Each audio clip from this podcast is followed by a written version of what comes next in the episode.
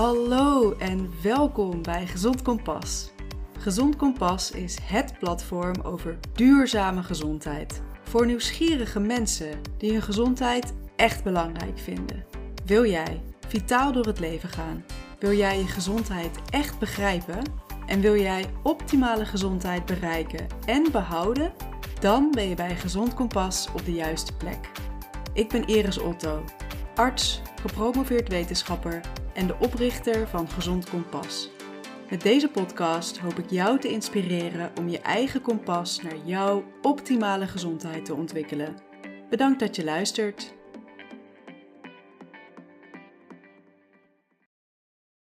Ik had laatst op Instagram wat stories gepost over self-care. Ik heb een vaste self-care dag en ik deelde over wat self-care voor mij betekent en wat ik dan doe op zo'n dag waar ik dan prioriteit aan geef. En ik kreeg daar heel veel enthousiaste reacties over. En toen dacht ik, nou, laat ik daar ook een podcast over opnemen om er wat verdiepingen aan te brengen. En ik heb dus een self-care dag op woensdag, omdat dat voor mij even zo'n rustpuntje midden in de werkweek is, waardoor ik echt even kan opladen en prioriteit kan geven aan de dingen die ik op dat moment echt nodig heb. Maar eigenlijk doe ik self-care gedurende de hele week. Het is niet dat ik op één dag alles goed kan maken wat ik de rest van de week een beetje gesaboteerd heb. Dus die self-care dag is meer even een soort extraatje bovenop de de self-care die ik gewoon in mijn dagelijks leven heb verweven. Ik vind dat nog wel belangrijk om even te benoemen. Dus wat is self-care? Self-care is best wel een modewoord. Het betekent eigenlijk gewoon zelfzorg, dus goed voor jezelf zorgen. En dat gaat veel verder dan hoe self-care vaak gemarket wordt. Dus het gaat veel verder dan een bubbelbad nemen of dure crème smeren of jezelf een filmavond met pizza en wijn gunnen omdat je een zware dag hebt gehad. Mijns inziens gaat self-care over verantwoordelijkheid nemen over je welzijn. En dat klinkt heel saai en serieus, alsof je niks meer mag en van alles moet. En... Maar daar gaat het niet over. Het gaat niet over wat je wel en niet mag. Het gaat uiteindelijk over jouw welzijn. Van wie zou je dingen niet mogen? Van wie zou je dingen allemaal moeten? Het gaat uiteindelijk om jou, om jouw leven, om jouw gezondheid. En anderen kunnen kennis delen en advies geven, zoals ik ook doe, maar uiteindelijk weet alleen jij zelf wat je echt nodig hebt. En daar gaat volgens mij self-care ook over. Herkennen van je behoeften, van je emoties, van je grenzen. En daar vervolgens ook bewust een helpende invulling aan geven. Je welzijn prioriteit geven. Wat heb jij echt nodig op dit moment? En wat heb jij nodig op de langere termijn? Als je daar bewust mee omgaat, dat vind ik echt goed voor jezelf zorgen. En ja, soms is dat lekker een bad nemen, genieten van een stukje pizza of een glaasje wijn, kiezen voor een yogales of een boswandeling of bijkletsen met een vriendin. En dit soort dingen maken selfcare een hele fijne bezigheid. Maar selfcare is ook niet altijd roosgeur en maneschijn. Het is soms ook doen wat nodig is, ondanks dat het niet leuk is, ondanks dat je er tegenop kijkt. En of dat nou een afspraak met de tandarts is, of uh, het verbreken van een toxische relatie. Het is allebei self-care. Goed voor jezelf zorgen. Kiezen voor wat goed is voor jou. En ik heb uh, negen domeinen geïdentificeerd. Er zijn er vast meer, maar ik heb negen domeinen waarin ik een rol zie voor self-care. En laten we beginnen met beweging. Ja, best wel voor de hand liggend. Ik sprak daar in de vorige podcast ook al over. Ehm, we leven in een zittende samenleving, wat inhoudt dat we een vrij sedentaire leefstijl leven. Dus we bewegen te weinig en we zitten te veel. Dus goed voor jezelf zorgen betekent überhaupt meer in beweging komen. Beweging kiezen boven bank hangen. En ja, dat is soms moeilijk. het is vaak moeilijk, weet ik zelf ook uit eigen ervaring. Maar je voelt je zoveel beter door beweging. Naast dat het ontzettend goed is voor je, voor je gezondheid, voor je fysieke gezondheid, is het ook voor je mentale welzijn ontzettend helpend. En soms moet je juist ook kiezen om juist te gaan bankhangen. Soms is dat juist wat je nodig hebt. En soms moet je een tandje terugschakelen wat je, je sport betreft. Bijvoorbeeld als je een pijntje hebt of je hebt een blessure. Dan is het juist beter om niet maar door te gaan daarin en jezelf te pushen. Want ja, daar, daar kom je uiteindelijk niet verder mee. Ben je uiteindelijk alleen maar verder van huis. Dus dat even over beweging. Over het algemeen meer beweging, maar soms juist ook bewust kiezen voor een tandje terug. Het volgende domein waar ik het over wil hebben is voeding. En voeding is zo'n gebied waar heel veel over gezegd wordt en ook heel veel gepraat wordt over dit is wel goed voor je, dit is niet goed voor je, dit mag je wel, dit mag je niet, je moet het zo doen, je moet het zo doen. Uiteindelijk denk ik dat ook in het domein van voeding het erom gaat wat goed voelt voor jou, wat past bij jou. Luister naar je lichaam. Als je iets eet, hoe voel je je daarna? Hoe voelt je lichaam daarna? Waar reageer je goed op en waar reageer je minder goed op? Bewuste en gezonde voeding is echt enorm belangrijk voor onze gezondheid. En voeding heeft ons zo waanzinnig veel te bieden. Maar het kan ook een probleem worden wanneer het een obsessie wordt. En dit kan voor sommigen een heel gevoelig onderwerp zijn en ik wil je laten weten dat ik daar absoluut niet aan voorbij wil gaan. Maar in het algemeen zou ik zeggen: eet vanuit het perspectief van liefdevol voeden, niet vanuit restricties. Wees niet te streng voor jezelf. Geniet van het eten en zoek hulp als je problemen ervaart in je relatie met eten. Want ook dat is self-care. En dan hebben we slaap. En slaap is zo'n ondergewaardeerd stukje leefstijl eigenlijk. Slaap is zo ontzettend belangrijk voor onze gezondheid. Een van de allerbelangrijkste processen in ons lichaam. Dus het is echt belangrijk dat we, dat we hier prioriteit aan geven. Dat we prioriteit geven aan slaap. En Stap 1 daarin is om de zogenaamd stoere uitspraken als slapen doe ik wel als ik dood ben, door de mentale versnipperaar te gooien. Slaap is voor mij ook lange tijd een probleempuntje geweest. Ik vond mezelf altijd een beetje een softie of een zwakkeling, dat ik veel slaap nodig had. En ik ben van nature iets meer een nachtuiltje. En ik had veel moeite met ochtends vroeg opstaan. Maar ja, dat, dat moest wel voor mijn studie, voor mijn kooschappen, voor mijn werk. Dus juist echt, voor mijn doen, echt heel vroeg opstaan. En ja, als ik dan later ging slapen, omdat ik s'avonds nog best wel wakker was en van alles wilde doen. En hè, het was natuurlijk ook veel cooler, zogenaamd, om later naar bed te gaan. Het was niet cool om vroeg naar bed te gaan. Dus daardoor had ik eigenlijk een chronisch slaaptekort, waardoor ik me echt heel slecht voelde eigenlijk. Negeerde dat, maar ja, dat was wel echt ongezond. En naarmate ik meer leer over slaap, zie ik hoe ontzettend belangrijk het is voor onze gezondheid en voor ons welzijn. En ik zal er later nog veel meer over delen, maar gun je lichaam die slaap. Slaap is echt essentieel voor allerlei processen die achter de schermen plaatsvinden, zoals uh, het opruimen van kapotte cellen in ons lichaam, het afbreken van schadelijke stoffen en het onthouden van dingen die je geleerd hebt, bijvoorbeeld. En ik zal hier later nog eens veel dieper op ingaan, maar naast voldoende uren slapen heeft onze slaap vooral ook baat bij iets wat slaaphygiëne wordt genoemd. En dat houdt in dat je bijvoorbeeld een vast ritme handhaaft, dat je slaapt in een koele, donkere kamer die ook alleen gebruikt wordt voor slaap en seks en niet voor werk en andere dingen die stress opleveren. En daarnaast is de vermijding van activerende factoren zoals cafeïne en blauw licht uit onze beeldschermen belangrijk.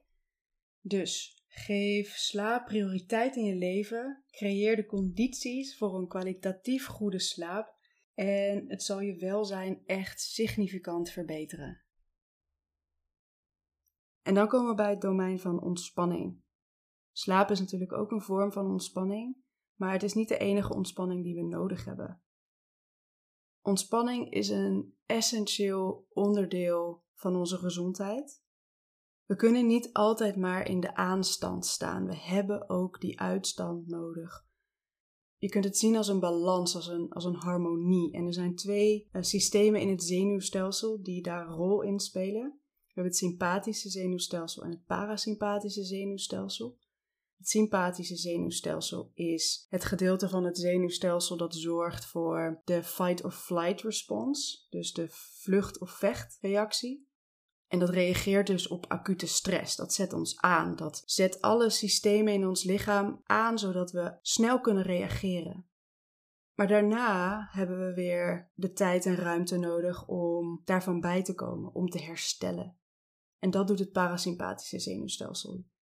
Die staat ook wel bekend als rest and digest. De processen die niet ergens acuut op hoeven te reageren, maar die wel essentieel zijn voor het onderhoud van ons lichaam. Maar de huidige realiteit is dat we voornamelijk in die aanstand leven, dus ons sympathische zenuwstelsel. En we ons lichaam eigenlijk te weinig tijd geven om te herstellen. En voor het herstel hebben we dus ontspanning nodig en echte ontspanning.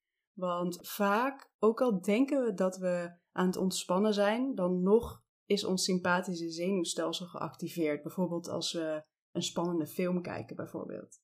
En echte ontspanning kan er op vele verschillende manieren uitzien. En dat is ook voor iedereen anders en persoonlijk. Maar het gaat erom dat je je bewust bent van of je echte ontspanning hebt. Of je echt diep kunt ontspannen en je lichaam die ruimte geeft om zich te herstellen. En ontspannen kan op verschillende manieren. Dat kan onder andere door beweging, dat kan door meditatie of een bodyscan, dat kan ook door plezier, door lol te hebben, door te dansen, door te puzzelen, spelletjes te spelen, te kletsen. Er zijn zoveel manieren waarop je echt lekker kan ontspannen. Dus kijk vooral wat voor jou goed werkt, wat je fijn vindt en waardoor jij echt het gevoel hebt dat je echt ontspant. En dat kunnen ook dingen zijn die in onze verzorging zitten en dat is meteen het volgende domein. Want ja, we moeten ook gewoon zorg dragen voor ons fysieke gestel. Dus ons lichaam dat ons over de wereld draagt en door het leven. En dat kunnen hele simpele dingen zijn, zoals goed zorgen voor je hygiëne, je tanden poetsen, je huid en je haar verzorgen. In bad gaan, douchen, crèmpjes smeren, ook dat soort dingen. Dat kunnen namelijk ook gewoon echt mood boosters zijn, waardoor je je fijner voelt en lekkerder in je vel als je goed verzorgd bent. En dat soort activiteiten, of dat nou een, een voetenbadje nemen is, of uh, in bad gaan, of je nagels lakken of je haar doen of iets dergelijks. Het kan ook heel ontspannend werken, dus dat heeft eigenlijk wat dat betreft een dubbele functie. Maar verzorging is mijns inziens ook dat je omgaat met zaken zoals regelmatig naar de tandarts gaan voor je controle, of je uitstrijkjes laten maken, je huid beschermen tegen de zon en fysieke of mentale klachten niet negeren, maar daarmee naar de huisarts of naar de psycholoog gaan, bijvoorbeeld. Dat zie ik ook allemaal als verzorging. En het volgende domein is sociale verbinding. En het afgelopen jaar hebben we gemerkt hoe belangrijk dat eigenlijk voor ons is als mensen. We hebben sociaal contact nodig. En niet alleen sociaal contact, want dat kan ook oppervlakkig zijn, maar we hebben echt het gevoel van verbinding nodig. Dus vraag jezelf af: met wie voel jij je nou echt verbonden? En met wie kan je lief en leed delen? En spendeer dan meer tijd met je allerliefste, allerleukste mensen en minder met slechts het onderhouden van je sociale netwerk. Want dat is wat we, of nou, laat ik voor mezelf spreken, dat is wat ik wel vaak deed. Ik kende heel veel mensen, was met heel veel mensen in contact. Maar als ik me ging afvragen met met wie voel ik me nou het meest verbonden? Dan blijven er uiteindelijk maar een paar mensen over. En die mensen die mag ik meer aandacht geven en die wil ik meer aandacht geven. Dus stel jezelf de vraag: uit welke contacten haal je het meeste voldoening? Met wie voel je het meest verbonden? En geef die mensen dan de prioriteit. Spendeer meer tijd met hen dan met anderen. En blijf ook in je sociale contact altijd trouw aan jezelf en je eigen behoeftes. Het volgende domein is ja, wat ik noem emotionele verwerking. Er is vast een betere naam voor, maar ik dacht ja, ik noem het emotionele verwerking. Want emoties zijn een normaal deel van ons. We hebben ze de hele dag door in allerlei varianten, allerlei soorten en maten. En emoties zijn energy in motion, dus energie in beweging. Het wil stromen, het wil niet vastgezet worden. Lange tijd heb ik niet geweten wat ik met emoties moest. Ik en met mij vele anderen uh, had vaak de neiging om emoties weg te duwen. Ze mochten er niet zijn, ze zaten in de weg, ze waren vervelend, het kwam niet goed uit. Maar dan zullen emoties juist meer een last worden op de langere termijn. Ze kunnen mentale en zelfs fysieke klachten veroorzaken. En selfcare is mijns inziens ook dealen met je emoties. Ik heb dat lang moeilijk gevonden, maar nu kan ik het gelukkig steeds beter. En ik weet ook dat het niet altijd leuk is, maar het is wel enorm belangrijk voor ons welzijn. En dat brengt ons bij persoonlijke ontwikkeling. Ik zie dat ook echt als zelfzorg. Goed voor jezelf zorgen in het domein van spiritueel welzijn. En ook in het domein van mentale en emotionele welzijn. Het is bijvoorbeeld het doorbreken van niet helpende patronen en het ombuigen van negatieve gedachten. Maar ook nagaan bij jezelf Waar gaat je interesse naar uit? Waar gaat je hart van gloeien? Zowel op professioneel gebied, maar zeker ook hobbymatig. En ik denk dat het echt bijdraagt aan ons gevoel van geluk en aan ons welzijn als we onszelf die ontwikkeling gunnen. Zowel de leuke kant als ook de minder leuke kant, de schaduwzijde is. Dus als jij iets vindt, of het nou een cursus of een training of, of coaching is, waarvan jij denkt dat het gaat bijdragen aan je geluk en je sense of self, gun jezelf dat dan. Ik zie dat ook als self-care. En last but not least, plezier. Ik denk dat we dat vaak vergeten als een onderdeel van zelfzorg en ons welzijn of ik praat in ieder geval voor mezelf, dat ik dat lange tijd zag als een extraatje en niet een essentieel onderdeel van mijn gezondheid. Maar plezier is ook gewoon een mood booster. Het zorgt voor een geluksgevoel. En het kan de scherpe randjes afhalen van zwaardere dagen of een moeilijke situatie om mee te dealen. En daarnaast kan je jezelf ook afvragen van waarom zijn we eigenlijk op aarde? En dat is natuurlijk een vraag die gaat veel dieper en daar ga ik niet op in. Maar het leven mag ook leuk zijn.